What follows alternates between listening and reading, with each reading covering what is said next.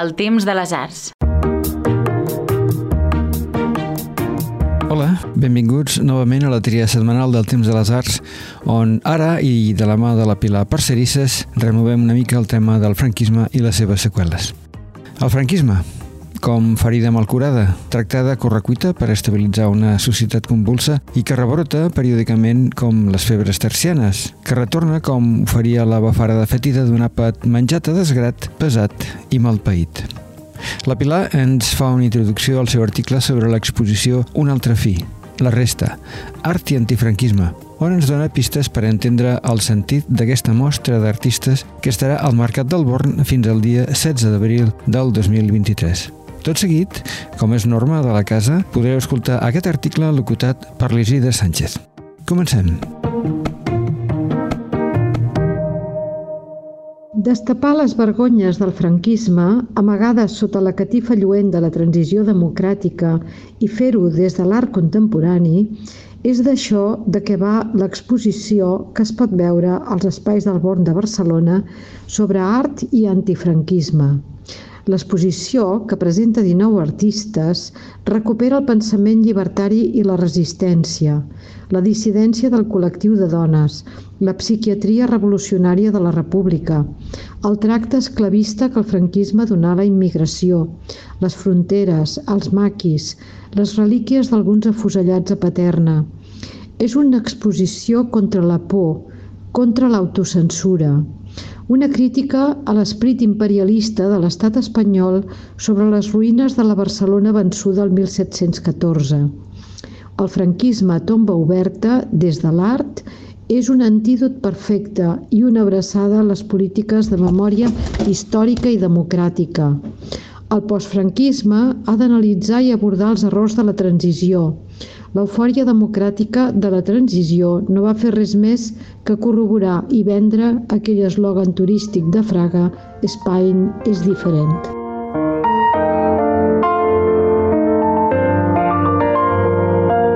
Hola, sóc Damià Morós. Potser m'hauran sentit a La Reserva, el podcast de patrimoni del temps de les arts.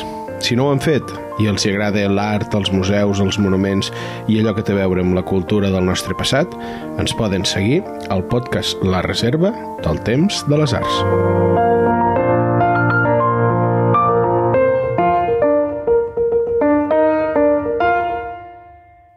Els artistes escodrinyen les restes del franquisme al Born. Hi hauria moltes maneres d'abordar una crítica al franquisme des de l'art contemporani. De fet, els artistes dels anys 60 i 70 se'n van fer un tip de rebre censures per les seves obres, i és en aquestes dècades on va començar la consciència antidictadura d'una manera explícita i reconeixible en les obres. Només cal mirar enrere per recordar obres del grup de treball sobre els 113 empresonats o Inventemos también nosotros d'Eulàlia Grau sobre el cas Vilar Reyes, obra censurada al catàleg d'idees i actituds, entorn de l'art conceptual a Catalunya l'any 1992. En les darreres dècades s'han desenvolupat polítiques de memòria, de reparació, de retrobament amb els cossos dels assassinats pel franquisme a les fosses comunes i també ha augmentat la consciència sobre la dissidència de gènere, la resistència d'homes i dones, el maltracte als infants, les víctimes en general del franquisme i la seva pervivència sota la catifa d'una democràcia no prou consolidada. No és estrany, doncs, que aquests dies un expresoner i torturat a la comissaria de Via Laietana, com Carles Vallejo, que lidera l'Associació Catalana d'Expressos del Franquisme, hagi posat una querella als policies que el torturaren en aquest indret, on es reclama que sigui un lloc de memòria democràtica i deixi de ser un espai policial. Art i postfranquisme. L'exposició Un altre fi, la resta, art i antifranquisme als espais del Born, és un intent de fer aflorar propostes a l'era del postfranquisme, un encàrrec de la nova directora d'aquest espai, Marta Marín Domine, a Nora Encarola i Amanda Cuesta, comissàries d'aquesta exposició que aplega 19 artistes contemporanis i posa l'accent en quatre aspectes temàtics desenvolupats en els últims 20 anys, com la resistència de la dona en l'àmbit rebel de cor, les víctimes torturades, afusellades, desaparegudes o esclavitzades, en l'apartat El menyspreu dels cossos, que també inclou la resistència maqui, l'exili interior o exterior com a conseqüència de la persecució ideològica a l'espai El Fora Interior, que agrupa treballs sobre aquesta temàtica, i un darrer conjunt temàtic que porta per títol Transmissió i continuïtat, on des d'una cronologia més propera s'aborden aspectes de memòria, presons, censura, descolonització o lectura crítica de la Constitució espanyola, un fet no abordable als anys 70 perquè senzillament no existia, i era l'esperança blanca, avui desmitificada. És una exposició de risc que no tanca cap tesi, sinó que més aviat l'obra, sobre la pervivència de la injustícia, mitjançant unes obres que la denuncien, obres que són relats individuals, fins allà on arriba l'artista com a narrador d'històries no explicades. La frase de Joan Brossa, havies d'haver fet un altre fi, del poema final que canta Miquel Poveda al seu disc d'esglàs, ha inspirat una part del títol de l'exposició. La resta és potser el que queda als marges del franquisme i que ha estat amagat, soterrat i que es va fent visible a poc a poc, amb preguntes que sorgeixen en els nous temps. La neteja que encara cal fer d'aquestes restes és descomunal.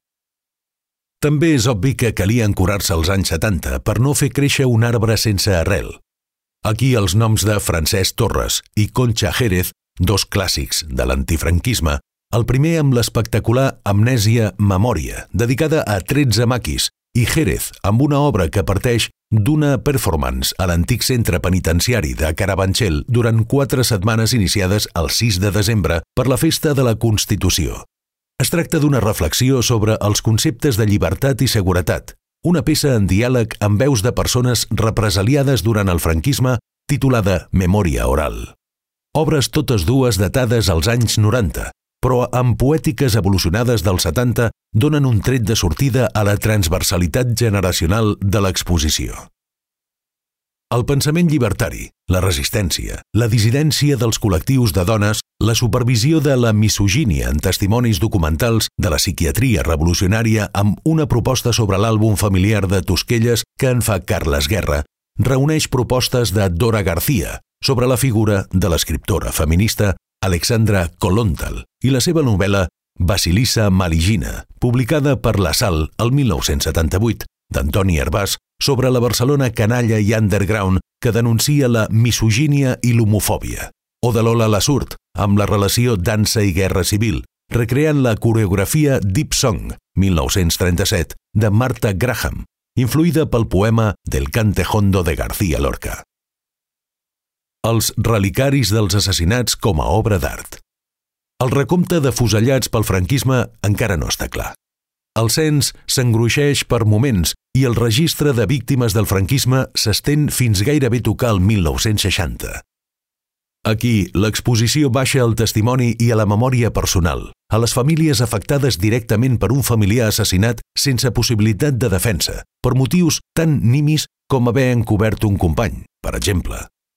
La por de les famílies, el silenci que ajuda la supervivència durant els anys de la dictadura, quedar marcat per un fet sobre el que s'ageu la innocència. És un doble tortura, la del record i memòria d'un afusellament sense perdó i la tortura de seguir vivint amb aquell record que altres veuen com una lacra. Els records, els relicaris dels morts, una corbata tacada de sang, unes cordetes, una carta de comiat, un botó i un llapis són els objectes desapareguts amb què Maria Amparo Gomar Vidal ha treballat la seva instal·lació amb la complicitat de les famílies de Paterna. Exilis i fronteres. La frontera i els maquis són també els temes que aborden Marco Noris i Jaume Serra Torelló i Joan Anton Serra Uller. El primer fa del caminar com a pràctica artística un recorregut de 300 quilòmetres, 25 dies, 198 mugues i pinta 212 postals a l'oli o dibuixades, el 2017, que acompanya amb topònims de frontera vinculats a l'exili i la resistència. Els Serra fan un recorregut pels territoris de l'agrupació guerrillera de Levante i Aragón, un itinerari fotogràfic de la Guerra Civil que confronta passat i la resta que en queda. L'exili que s'aborda a l'àmbit al fora interior té més a veure amb el sistema que la dictadura va instaurar d'obediència al règim dictatorial, d'autocensura i silenci de les classes treballadores, pròpies d'un exili interior. El treball va ser un espai per redimir les penes, com demostra Alan Carrasco amb l'ús de presos polítics com a mà d'obra esclava que ha enriquit les grans fortunes de l'IBEX 35 i a qui s'ha dirigit sense obtenir resposta. L'obra de Domènech també aborda la reclusió i l'ús de 15.000 immigrants al Palau Nacional de Montjuïc procedents d'altres llocs de l'Estat com a mà d'obra en la reconstrucció del país.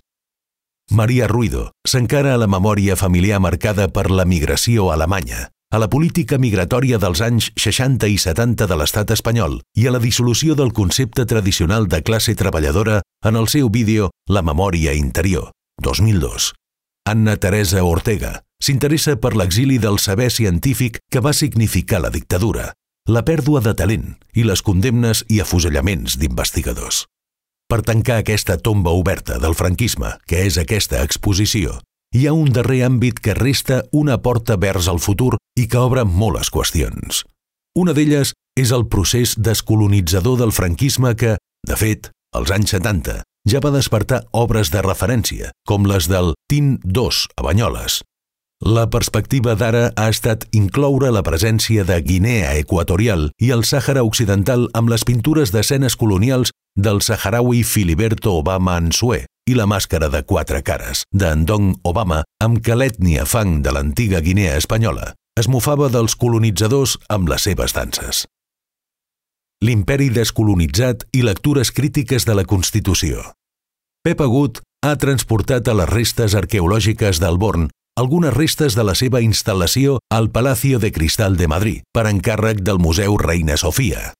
El Palacio va ser construït per difondre la bondat del colonialisme espanyol a Filipines. Així, les columnes reproduïdes en guix d'aquest palau madrileny reposen al terra de la memòria del Born, entre les ruïnes. L'esperit imperialista i colonitzador espanyol reviu sobre les ruïnes de la Barcelona del 1714 un escampall de pedres vençudes. Agut manté viu el record del deliri de grandesa de l'estat espanyol que denunciaren Goya i Picasso i és així que anomena franquitos, els tubercles, col i nap amullats que envolten les columnes de guix o que s'escampen per punts diversos d'aquesta ruïna. Una picada d'ullet als gravats de Sueño i Mentirà de Franco de Picasso, 1937.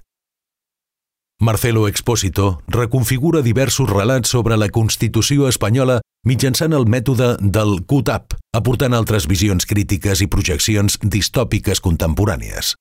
Si bé tres de les obres són lectures del 2022, l'obra Los cuadernos de guerra o ligeramente descontextualizados, 1994-2021, és anterior i es tracta d'una obra de fotoescriptura que posa en escena les fotos de Robert Capa del Progrés Internacional d'Escriptors per a la Defensa de la Cultura celebrat a València, el 1937, amb unes imatges de Franco, com un avi que ensenya a fer fotos a les seves netes en un moment històric que calia donar una imatge amable del règim dictatorial.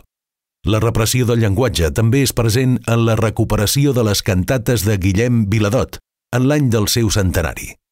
L'exposició reprodueix en un diari que hom pot endur-se'n una selecció dels poemes visuals dels anys 60 i 70 que s'han aplegat a la publicació recent de Cantates, Figues i Colls d'Albaralla. L'exposició planteja la necessitat d'anar encara més enllà, sobretot abordar la transició democràtica en la que va aflorant el franquisme soterrat, però on és més difícil besllumar amb contundència els errors de la transició un aspecte en el que caldrà aprofundir, perquè l'antitransició també mereixeria algun tipus d'anàlisi des de l'art. I fins aquí la tria setmanal d'aquesta setmana. Esperem poder oferir-vos alguna cosa que us interessi la següent. Mentrestant, i si us ha agradat el programa, què tal si li comenteu als vostres coneguts i al vostre cunyat de Vox perquè us tingui en compte les seves oracions?